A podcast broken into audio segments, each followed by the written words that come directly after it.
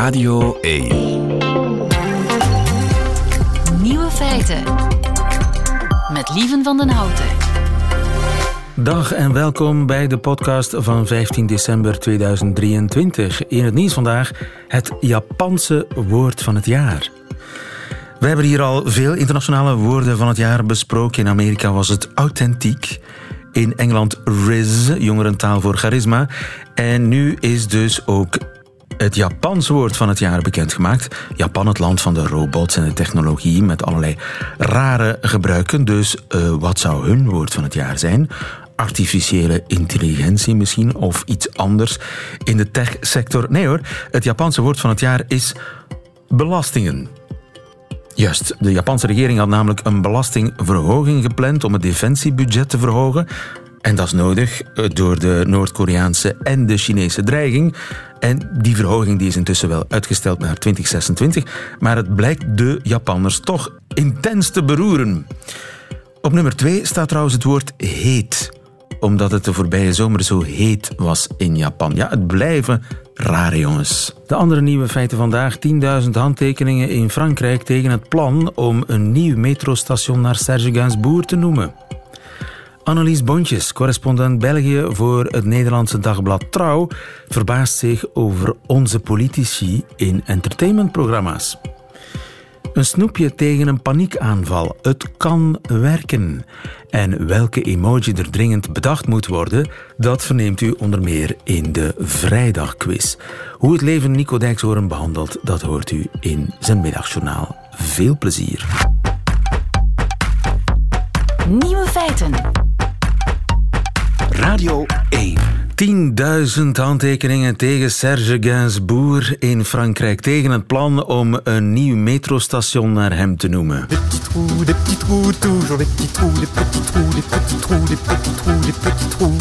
Ja, Le Poinçonneur des Lilas zong uh, Gainsbourg. Je suis le poinçonneur des lilas. En dus uh, leek het een goed plan om het nieuwe metrostation van Les Lilas te vernoemen naar de grootheid van het Franse lied. Maar er circuleert een petitie daartegen. Rudolf Hekke, goedemiddag. Goedemiddag, Leven. Rudolf, jij hebt een boek geschreven over Gainsbourg. Je hebt de man ooit ontmoet, hè, dacht ik? Ik heb hem ook uh, ja, twee keer ontmoet, eigenlijk. Hè. Ja, ja. Daarmee is alles toen begonnen voor mij. Ja, en kennelijk heeft Gainsbourg van alles misdaan, want hij is het niet waard om een metrostation te krijgen. Wat heeft hij misdaan? Oh, Gainsbourg heeft zoveel misdaan in zijn leven. Hè. Dat is, dat is uh, le parcours uh, sans faute n'existe pas, was een van zijn grote uitspraken. Hij heeft zoveel misdaan, maar, maar, maar eigenlijk is, is dat allemaal terug prachtig. Eigenlijk. Want je moet zien, Gainsbourg in de jaren tachtig is toen officieel verkozen geweest tot tegelijkertijd de meest geliefde en meest gehate mens in, in Frankrijk. En die tijden komen gewoon altijd terug. Gainsbourg is, is, is voor eeuwig, laten we zeggen, altijd pro of contra, geen weg tussen. En dat, dat bewijst eigenlijk zijn grote gelijk. Die man die was Gainsbourg. En wat kun je beter zijn dan, dan, dan wat je echt vindt, wat je voelt dat je moet zijn, Ja. uzelf. Maar voor alle duidelijkheid, hij heeft niemand vermoord of zo, hè, toch? Bij mij weten niet. Dat zou best kunnen dat er achter zijn gordijnen nog lijken vandaan komen. En wat dat betreft was dat een hele, hele vredelievende mens. Hij zou niemand fysiek eh, kwaad aan doen. Maar ja, die eh, was een provocateur, was hij natuurlijk. Hè. En waarom? Omdat hij zegt dat is de enigste manier om echt dingen in beweging gaan te zetten. En te moeten vooruitgaan. Want we hebben al zo weinig tijd in ons leven. Dus laat het alstublieft vooruitgaan. En dan, ja, als je provoceert, dan trap je op tenen natuurlijk. En tegenwoordig in deze tijd worden die tenen, tenen ook altijd maar langer en langer natuurlijk. Ja, maar je hebt natuurlijk Lemon Incest, hè, dat hij Ja. gezongen heeft samen met zijn dochter Charlotte. En, Ja. en, en dat meisje, ik weet niet hoe oud ze toen was. Hoe oud was ze toen? Een jaar of Ja, een jaar of, of 15 of zoiets. moet dat 15. geweest zijn. En zij zong Un zeste de citron. Een schil van citroen. En daarna zingt hij natuurlijk Lemon Incest. Hè? Ja, ja, uiteraard.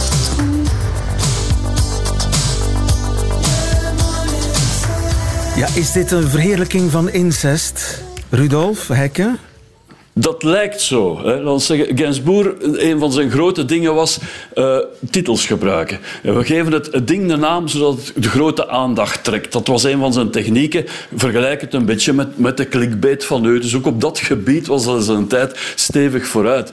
Maar, en dat is zo prachtig aan Gainsbourg, hij zet mensen tegen zich op, onmiddellijk. Oh ja, incest, als je dat woord zegt. Wauw, heel de gemeente over. Terecht natuurlijk. Maar dan moet je gaan graven in zijn tekst. En dat is toch het mooiste wat er is. En ook in, in contrast met hoe het tegenwoordig gaat. Met in one-liners spreken. Even ene zin op de social media posten. Hoeft hij zelfs niet te verantwoorden. Hij verantwoordt zich. En daar doet hij een heel lied over. En als je dat heel lied beluistert, herbeluistert, gaat graven in, in, in, in de teksten of mijn boek dat ik erover geschreven leest, dan ontdek je l'amour que nous ferons jamais ensemble Ah, voilà. le plus beau, le plus rare, le plus, plus émouvant, exquis, esquisse. En zo gaat dat verder. Maar hij trekt natuurlijk die aandacht met titel ook zeer bewust. Want dat betreft is hij absoluut schuldig. Hij was een provocateur en hij wou die aandacht hebben van de mensen. En maar dan zei hij waar het op stond. En dat is zo mooi aan Gainsbourg. hè. Ja, de liefde die we nooit zullen bedrijven. Het ging dus Absoluut, over een, ja. een fantasie.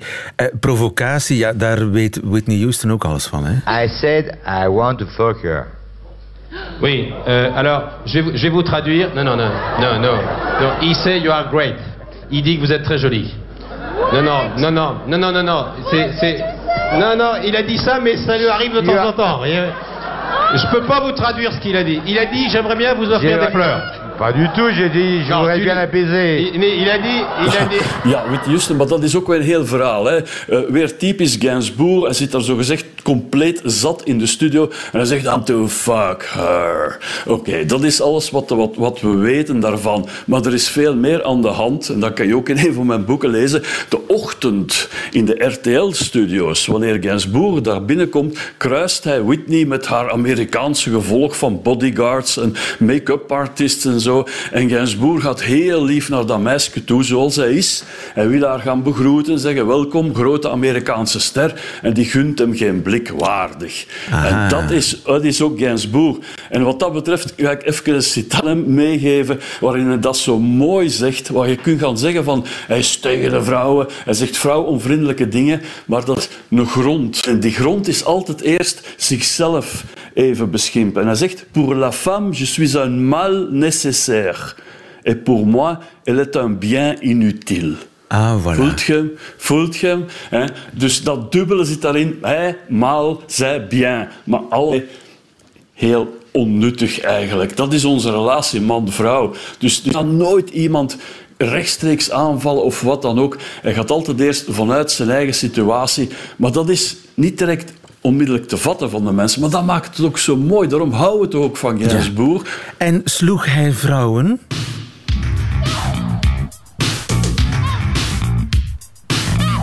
Ja, zo begint Love on the Beat, hè? een van zijn eh, grote hits. Ja, Was dat, ook de- fantasie of deed hij dat echt? Wel, eh, Love on the Beat was eigenlijk de Je t'aime plus van de jaren tachtig. Dus tijds, tijdsgeest, tijdsgeest, hè, Je t'aime plus. En daarin eh, werden eh, het orgasme en, en, en, de daad werden vergeleken met les goémons, hè, het, het kruid dat in het water op en neer komt en gaat. En in de jaren tachtig was wat komt en gaat, was geweld, waar de handen, waren de vuisten. En ja, hij sloeg vrouwen. Maar vrouwen sloegen ook hem. Zijn relatie met Jane Birkin, regelmatig werd dat gevochten. Zijn relatie met Bamboo, regelmatig werd dat gevochten. De, de anekdotes zijn legio, waarin ze uit een, club komen in Parijs. En ze, geeft hem een pets in zijn gezicht, omdat, ze iets, omdat hij een verjaardag of zo van haar vergeten is. En hij geeft haar terug een pets. En zij springt kwaadheid in de scène. En dan pas realiseert ze, die zwemmen. En hij kan mij ook niet redden. Dus moeten ze omstaanders gaan roepen. Dat is, dat is Gainsbourg helemaal. Hij zal nooit iemand kwaad gedaan hebben of, of fysiek bejegend, maar dat was zijn relatie met, met vrouwen, inderdaad. Maar vrouwen sloegen hem misschien nog meer dan, dan, dan, dan hij vrouwen zou, zou geslagen hebben. Ja, maar stel nu dat door die petitie dat het metrostation in eh, Les Lilas niet Serge Gainsbourg gaat heten. Ben je dan verdrietig? Ja, verdrietig. Maar, man, maar ik, ik ben verdrietig omdat mijn- moeder dood is. eh, en ik ben niet verdrietig omdat de metrostation eh, een andere naam krijgt. Nee, ik ben niet maar.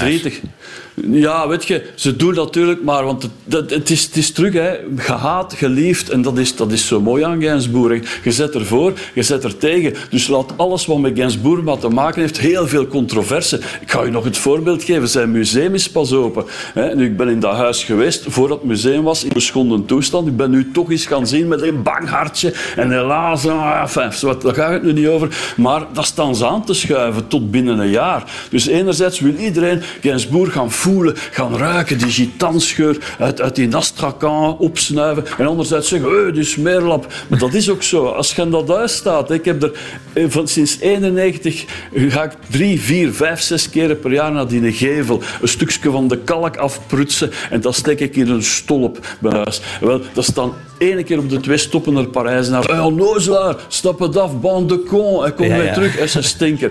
Fantastisch toch? Wat, is het mooiste in het leven dan? Geliefd en gehaat worden. Ja, het is wel heel erg hè, dat er zelfs eh, nog vandaag tumult is over hem. Eh, Rudolf Absoluut, ja. dankjewel voor dit gesprek. Goedemiddag. Graag gedaan.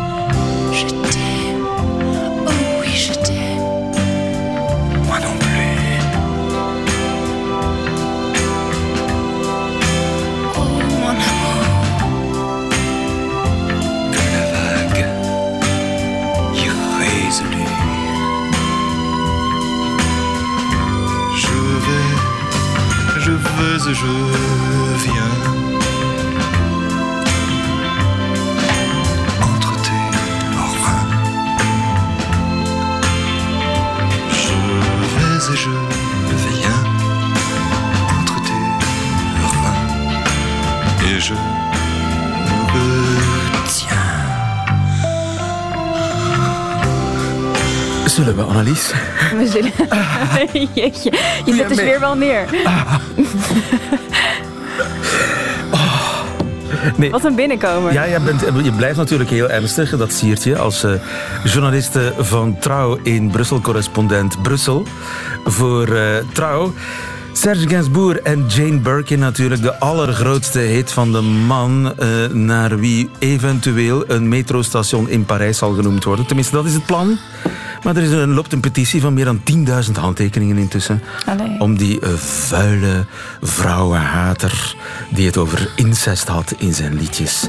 En die aan Whitney Houston zei in een talkshow: I want to fuck her.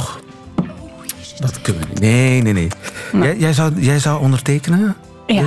Echt waar? Ja. Annelies? Ja. Serge Gainsbourg? Ik ben een millennial. Ik, eh, Ja, ach, ja, millennial. dit soort dingen zien wij niet door de vingers. Nieuwe feiten. De ontdekking van België. Door Annelies Bontjes. Goedemiddag, Annelies. Goedemiddag, lieve. En eh, wat heb je deze week aan ons land ontdekt? Nou, eh, vorige week hadden wij het natuurlijk over dat je een, be- een beetje Vlaams politicus die schrijft een boek. Maar ik moet er toch nog iets aan toevoegen, want een beetje Vlaams politicus die schrijft ook aan in een entertainmentprogramma. Vinden wij heel normaal. Ja, vind ik helemaal niet normaal. Hoezo? Dat zien wij in Nederland niet. Nooit, echt nooit. Nee, niet. Nee, en zeker niet op de manier waarop dat hier gebeurt. En deze week keek ik naar de televisie en toen zag ik dat zelfs jullie premier eh daaraan meedoet. Die was bij het huis. Nou ja, allemaal leuke dingen geleerd over hem. Erik Goens, zijn nederige stulpje, Ja, vereerd met het bezoek van, van, premier. van premier Alexander de Croo. Ja, En dat vond jij heel raar. vond ik nogal raar. Ja, Maar je weet toch dat bijvoorbeeld Bart de Wever zijn carrière voor een deel te danken heeft aan zijn passage in De Slimste uiteraard. En ik denk ook dat het Waar- daarom hier gebeurt. Omdat ik denk dat elk politicus hier dat succes van Bart de Wever uit 2009 wil proberen te herhalen. Ik bedoel, hij dankt eigenlijk natuurlijk bijna zijn politieke carrière aan die deelname. Maar dan zagen we hoe geestig hij kan zijn. Dat is Ja. toch ook interessant om te weten. Zwartgallige humor, hij was heel benaderbaar, de men kon zich hem herkennen. juist, ja. ja, de mensen achter de politicus. Ja, dus voor hem heeft het ook wel gewerkt, maar het is natuurlijk wel tricky.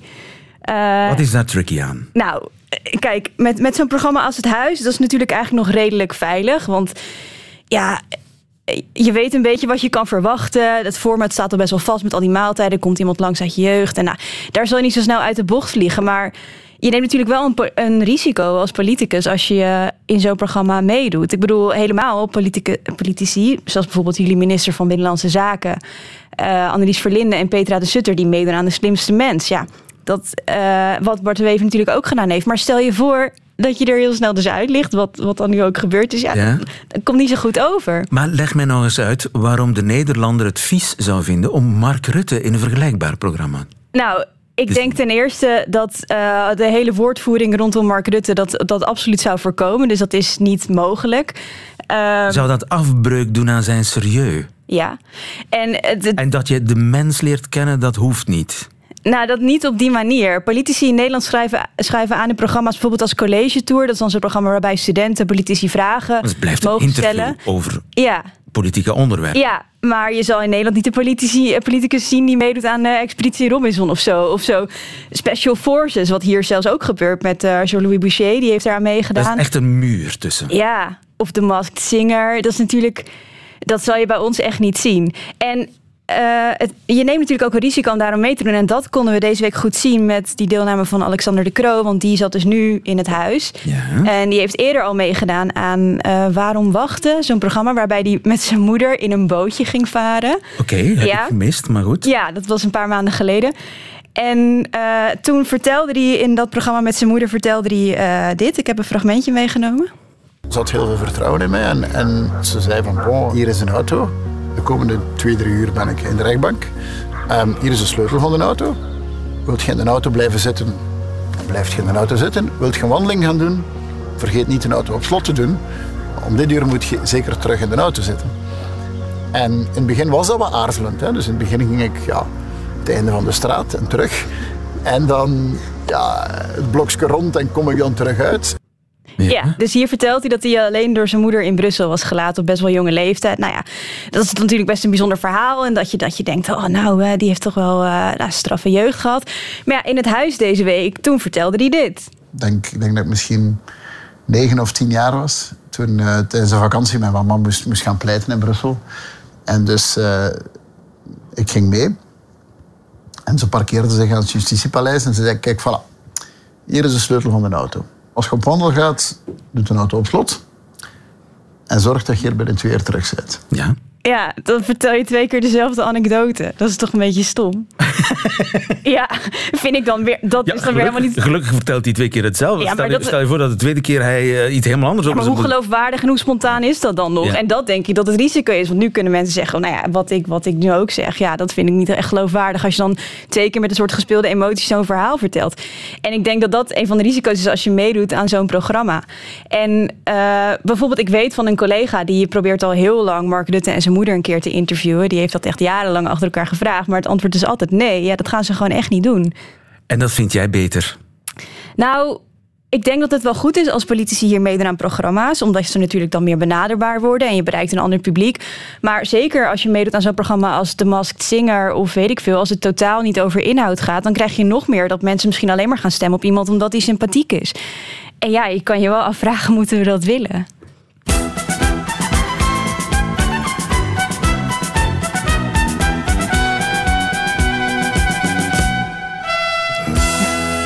Examen Vlaams. Ja, wij zitten hier, we zitten hier eigenlijk, we hebben allebei al binnenpret. Ja. Overigens, eh, gisteren hoorde ik op de Nederlandse televisie de uitdrukking het spel zit op de wagen. Ja. En volgens mij betekent dat in Nederland iets helemaal anders dan in België. Wat betekent het in België? Het spel zit op de wagen. Wat het in België betekent? Ja? Nou, we zijn, we zijn vertrokken, het is begonnen. eh, nee? Nee, want dat werd in Nederland gebruikt als hè, de regeringsvorming. Het spel Ja, zit op de precies. wagen. Ja. We kunnen, we- het, het gaat beginnen. Ja, de eerste stap is gezet. En ja, we zijn Het vertrokken. spel zit op de wagen. Ja. Betekent iets helemaal anders. Echt waar? Ja. En ja, het spel zit op de wagen. Ja, ik zou niet weten wat het anders moet betekenen eigenlijk. De poppen gaan aan het dansen. Dat betekent het eigenlijk. Hetzelfde. Het spel zit op de wagen. Dat, nu, nu, nu, gaat, nu, komt er, nu krijgen we Nu er- problemen. ah. Nu krijgen we problemen. Het spel zit op de wagen. Oh, dus dat is helemaal niet goed. Nee, de miserie is vertrokken. Oh jee, oké. Hetzelfde, maar dan negatief. Ja, ja, ja. Oh, dat is grappig. Ja. Uh, rayon. Rij, rayon. Rayon. Ehm, Volgende rayon. Derde rayon links. derde straat? Derde, derde wat? Ja, dit vind jij leuker. Nee, ik weet het niet. Der, de volg... Link? Wat? Nee, ik weet het echt niet. In de supermarkt. Oh, de, het gangpad. Juist. De rayon. De rayon, ja. Dus de volgende keer als je gaat shoppen, in welke rayon vind ik? Eh, Dat ga ik, dat ga ik vragen. Ik ja, ga hem testen. merken, niemand ja? vindt het raar. Nee? Nee, iedereen zal zeggen, god, wat is die Nederlandse al goed geïntegreerd. Oké, dan ga ik hem zeker gebruiken. Bric-à-brac. Ehm, Ik zou zelfs niet eens weten. Bric-à-brac. is het een ding? Is het, is het iets? Het is hoe iets is. Hoe iets is. Ehm, is het een beetje als iets een beetje zo-zo is? Ja, krakkemikkig Ja. zou je kunnen zeggen. Ja. Sorry hoor, eh, als je iemand binnenlaat in je huis. Het is nog een beetje bric-à-brac. Het is nog ineengeknutseld, snel, snel. Het is nog niet helemaal af. Het is nog niet helemaal af, het is een beetje bric-à-brac. Kabrak. Oké, leuk. Goed Leuk. hè? Dankjewel voor je eh, passage. En je hebt het heel goed gedaan. Dankjewel. Wel, deze week. En we zullen nadenken over politici in entertainmentprogramma's. Misschien heb je wel gelijk. Nieuwe feiten. Een paniekaanval bestrijden met een snoepje. Zou dat kunnen? Jazeker, zegt deze TikTokster. My therapist told me to eat a warhead whenever I'm feeling a panic attack coming on. And when I say I've never had anything rip me out of the throes of a fucking panic attack faster, I fucking mean it. Ja, als er iets helpt tegen een paniekaanval, dan is het een warhead, zo'n eh, zuurtje. Tom Bekkers, goedemiddag. Goedemiddag. Je bent professor cognitieve psychologie aan de Universiteit van Leuven. En ja, vandaag onze nieuwe feitenchecker ad interim, zou ik maar zeggen. Want ja, ze zeggen zoveel hè, op TikTok. Maar kan dit kloppen? Eh, dit kan eigenlijk wel kloppen, ja. Wow. Dus een, een, een warhead, dat is zo'n... Ik ben niet echt thuis in de materie, maar dat is zo'n langwerpig, slapkleurig, zuur snoepje dat in je tong bijt, hè? Ja, ik denk eh, de beste analogie op de Belgische markt van eh, zoete suikerwaren is denk ik een smoelentrekker. Smoelentrekker, muilentrekker, totentrekker. Ja, Ehm, dat. Zo'n ding waar je je, je... Je kunt je gezicht niet in de plooi houden als je erop bijt. Het is echt zo... mm, Wat een zuurte. Het bijt, maar het is ook lekker. Dat is het idee, ja, maar het is vooral omdat het bijt dat het zou werken. Ja, want ik heb nog nooit een paniekaanval gehad. Eh, maar een paniekaanval, dat is niet zomaar een beetje bang zijn, neem ik aan. Nee, nee, nee. Dus een paniekaanval, als je dat voor de eerste keer meemaakt, en zeker als je, dat, als je niet weet wat je aan het overkomen is, dat is een heel benauwende, heel bedreigende ervaring. Eigenlijk alle symptomen die je ervaart, een soort van beklemming op de borst, geen adem meer krijgen, duizelig worden soms, ehm appelflauten. Veel mensen verwarren die symptomen met de symptomen van een hartaanval. En mensen denken dus dat ze gaan doodgaan. En, en vaak is het resultaat dus ook effectief dat iemand dan maar een ambulance belt, dat de ziekenbroeders erbij komen. Die weten meestal ook niet meteen wat er aan de hand is. Voor alle zekerheid wordt iemand dan toch maar meegenomen, wordt er een hartfilmpje gemaakt, et cetera. Waarna de conclusie is dat er niks gevonden is. En zo'n paniekaanval die kan zomaar uit de lucht komen vallen. Dat kan inderdaad, de eerste keer dat je dat meemaakt, eh, is dat typisch out of the blue. Ehm, de, het lijkt er wel op dat er eens meer kans is dat je zoiets meemaakt als je wat onder spanning staat, als je veel stress hebt, misschien slecht geslapen hebt, ehm, zwaar op stap bent geweest, dat soort van dingen. Maar eigenlijk weten we niet zo heel goed wat zo'n eerste paniekaanval uitlokt. Maar als je het één keer meemaakt, en zeker als je dan niet goed weet wat je overkomen is, wat je dan vaak ziet gebeuren, is dat mensen een paniekstoornis ontwikkelen. Namelijk, ze krijgen schrik dat zo'n paniekaanval opnieuw gaat gebeuren. Op een ogenblik dat het misschien helemaal niet handig is dat het gebeurt, maar vooral ook, ze krijgen schrik dat ze op een bepaald moment van zo'n paniekaanval dood zullen gaan. Ze krijgen schrik van de schrik. Ja, dat is wat er gebeurt. Oké, nu dat klinkt allemaal heel ernstig. Hoe kan het nu zijn dat een snoepje eh, daartegen helpt? Ja, ik zou niet zeggen dat het helpt voor die paniekstoornis, maar het helpt eventueel wel voor die paniekaanval in die zin dat wat zo'n snoepje doet, is je heel erg dwingen om je aandacht te richten op de eh, op je sensorische, op je zintuigelijke eh, waarneming. Ja, dat, dat is zo'n sterke prikkel dat je niet anders kan dan een stuk van je aandacht daarop richten. En dat, leidt je, dat, dat brengt je eigenlijk op die manier heel erg terug in het hier en nu. Terwijl het probleem bij zo'n paniekaanval... Ja, ja, ja, ze noemen dat ook wel grounding in het Engels inderdaad. En dat is een bekende techniek om een eh, angstaanval of een paniekaanval te stoppen. Een andere is, is de 5-4-3-2-1-regel, waarbij je vijf dingen moet opmerken in je omgeving, vier dingen moet ehm, proberen te, te, aan te raken, drie dingen moet, eh, wat heb je nog van zintuigen? Eh, een aantal dingen moet Proeven, aanraken, proeven. ruiken, ruiken, ja. En iets moet proeven. En, en dat helpt je om, om uit je gedachten te komen en, en uit je derealisatie eventueel en om terug in het hier en nu terecht te Ja, komen. ja. En dat helpt inderdaad om zoon paniekaanval... Je zintuigen aan het werk zetten, dat is eigenlijk het idee. En, en, en, maar ik kan mij voorstellen dat dat bij sommige mensen helpt, bij anderen dan weer niet. En sowieso is het een, een vorm van symptoombestrijding. Eh, Dat is inderdaad een beetje het gevaar. Dus je, je kan dat niet zien als een therapeutische hack. Je gaat op die manier je, je probleem helemaal niet oplossen. Maar het kan wel even helpen om die aanval, of op, op het ogenblik dat je die voelt omhoog komen, dat je die voelt opkomen, om die te onderdrukken. En dat kan dus handig zijn als je bijvoorbeeld net ehm, iets heel belangrijks moet doen. ehm, dan, dan is het misschien goed dat je even zo'n truc bij de hand hebt. Maar je moet goed beseffen dat door mensen zo'n truc van de hand te doen, je eigenlijk ook het probleem een beetje mee in stand houdt.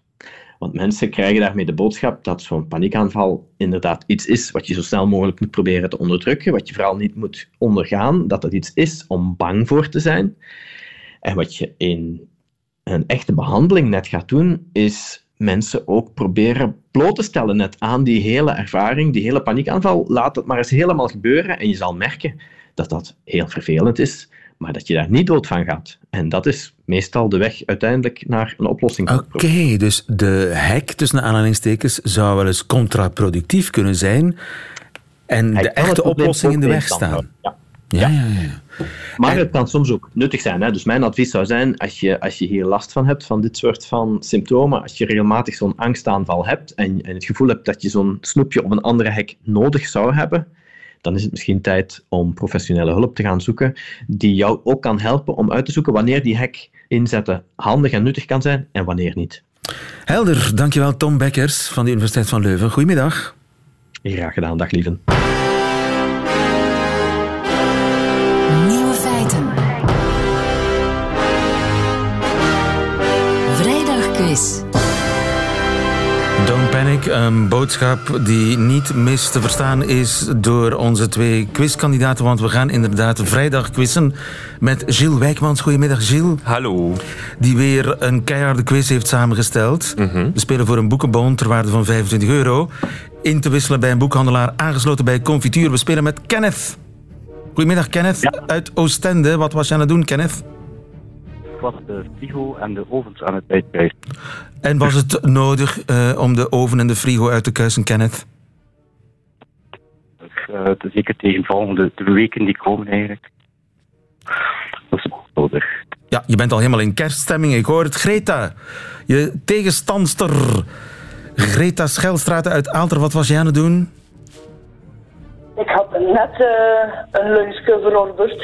Eh, een- een lunchje verorberd. Sta je op speaker, Greta? Want je klinkt heel ver. Nee, niet op speakers, nu wel. Ah, oké. Nee, nee, maar enfin, het klinkt... Je, we verstaan je, dat is het belangrijkste. Goed, eh, ik ga jullie kennis testen van een viertal nieuwe feiten. Ik begin bij Kenneth, die zich het eerst heeft gemeld. Zolang hij juist antwoordt, blijft hij aan de beurt. Bij een fout antwoord gaat die beurt naar Greta. En wie het laatste nieuwe feit goed kent, die wint deze quiz. Zoveel is duidelijk.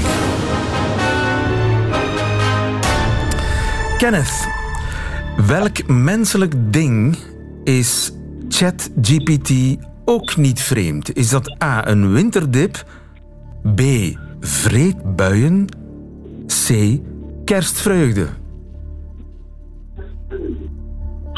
Een winterdip? Een winterdip, zeg je heel gedecideerd? Dat is helemaal goed. Wauw, Ja, klopt. Direct. ChatGPT heeft last van een winterdip. Dat beweren toch sommige gebruikers van ChatGPT. Die zeggen van ja, de laatste weken eh, zijn de antwoorden die ik krijg toch veel korter dan normaal. En ChatGPT zou ook al vaker opdrachten weigeren in deze tijden van het jaar. De makers van ChatGPT die zeggen we zijn het aan het onderzoeken. Maar ze zeggen van ja, ChatGPT is zo'n complex programma dat zelfs met alle data die voor iedereen hetzelfde is, er toch altijd een stilistisch verschil kan zijn. De dokter weet het niet. Wat De dokter weet het De niet. dokter weet het niet. Definitie van een winterdip. dus. Oké. Vraag 2 is ook voor Kenneth. Kenneth. Ik zeg het graag. Kenneth. ik hoor het. Italiaanse onderzoekers roepen techbedrijven op om hun emojis diverser te maken. Waarvoor zou er nog een emoji moeten komen? Pizza calzone, inheemse stammen uit het Amazonewoud, onderwaterschimmels. A, B of C?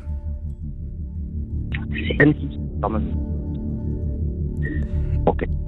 Je komt een beetje brokkelig binnen, maar kan het zijn dat je inheemse stammen hebt gezegd? Ik denk dat eh, Kenneth inheemse stammen heeft gezegd. Kan je dat bevestigen? Ja. Was dat een ja? Juryvoorzitter? Een ja, dat was een ja. Oké. Spannend deze quiz vandaag. Greta komt in de wedstrijd. Het waren niet inheemse stammen uit het Amazonewoud die, eh, althans volgens de Italiaanse onderzoekers, een emoji nodig hebben. Maar Ik denk C. je denkt C, onderwaterschimmels. Dat is helemaal goed. Hebben we daar een emoji voor nodig? Ja, quizvraag voor jou. Hoeveel schimmel-emojis zijn er? Nul. Eén. Een paddenstoel. Ehm, En die onderzoekers, het zijn biologen, die vinden dat wij alleen maar liefde voor het on- ontzettend rijke planten- en dierenrijk kunnen hebben als die zo goed mogelijk vertegenwoordigd worden. En dus pleiten ze voor meer eh, dieren- en planten-emojis, want nu zijn er maar 120 van die emojis en er zijn natuurlijk veel meer soorten.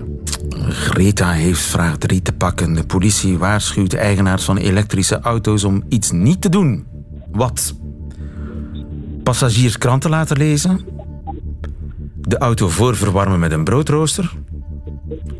Elektrische tandenborstels opladen in de auto? A, B of C, Greta? B, Je denkt B? denk ik. Ja. Dat is helemaal goed. Auto voorverwarmen met een broodrooster is een slecht idee. Doen mensen dat? Elektrische auto's blijkbaar, want die batterijen die werken minder goed bij koude temperaturen. En sommige autofabrikanten die installeren een verwarming voor de batterij, maar niet alle auto's hebben dat. En Koude batterijen doen het niet nee, goed. En onlangs heeft een Deen zijn auto in brand gestoken door die accu te willen verwarmen met een broodrooster. Dus de Deense politie roept nu op, doe dat alsjeblieft niet. Greta Schuilstraat, hè. het is erop of eronder met deze vraag. Wat drijft de nieuwste Japanse ruimteraket aan? A. Bullshit. Letterlijk dan. Koeienmest. B. Zever in pakjes. C. Gebakken lucht. Greta Schelstraten, zeg het. Ja. Eh, ik denk A. Je denkt A. Wauw. Dat is helemaal goed. Uh, proficiat Greta Schelstraten. Dank u wel.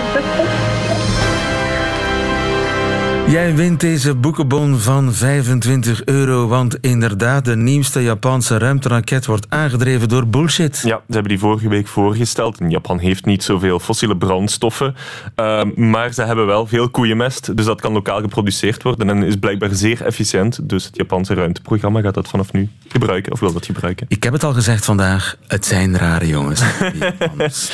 Helaas, Kenneth Thijs, het heeft niet mogen zijn. Terug naar het eh, poetsen van de oven en de want ja, dat moet allemaal spik en span zijn tegen kerst. Oké, ja. Dat is Ja. bullshit, hè. Ja, dat is bullshit, inderdaad, Kenneth. Inderdaad, een schrale troost. Maar Greta, weet je al welk boek je gaat kopen met je 25 euro boekenbon?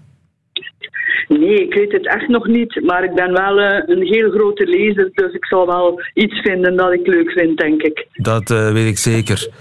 Greta Schelstraat, nogmaals gefeliciteerd. En volgende week is er weer een vrijdagquiz. Nieuwe feiten. Radio 1. En dat waren ze meteen de nieuwe feiten van vandaag, vrijdag 15 december 2023. Alleen nog die van Nico Dijkshoorn, die krijgt u nu in zijn middagjournaal. Middagjournaal.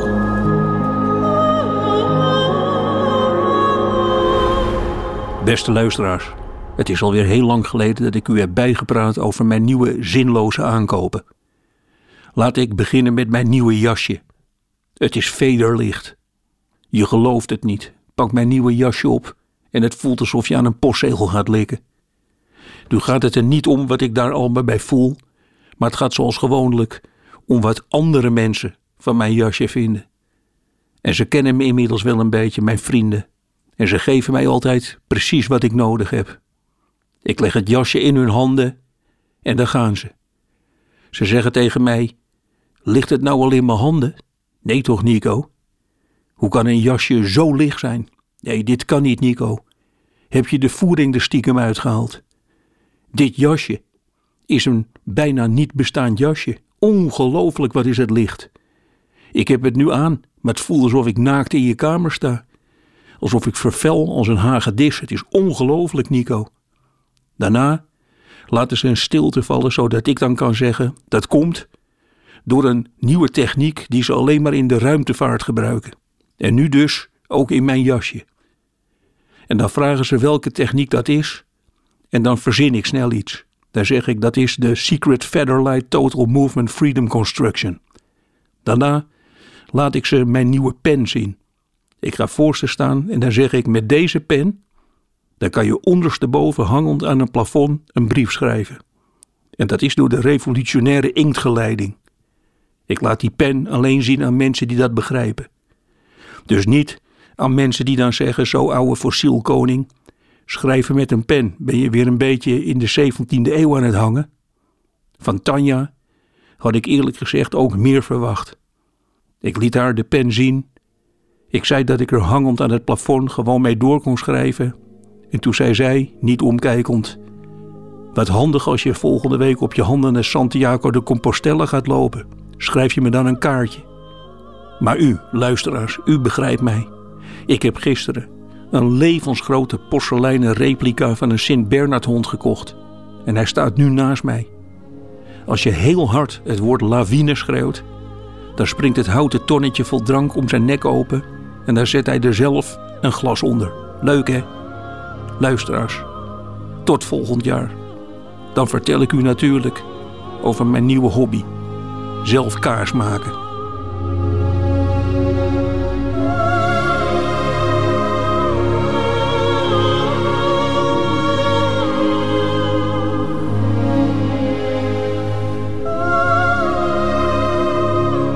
Zou je dat wel doen, Nico? Nico Dijkshoorn in het middagjournaal. Einde van deze podcast hoort u liever de volledige nieuwe feiten met de muziek erbij. Dat kan natuurlijk elke werkdag op Radio 1 tussen 12 en 1 live. Of on demand in de app van VRT Max. Tot een volgende keer.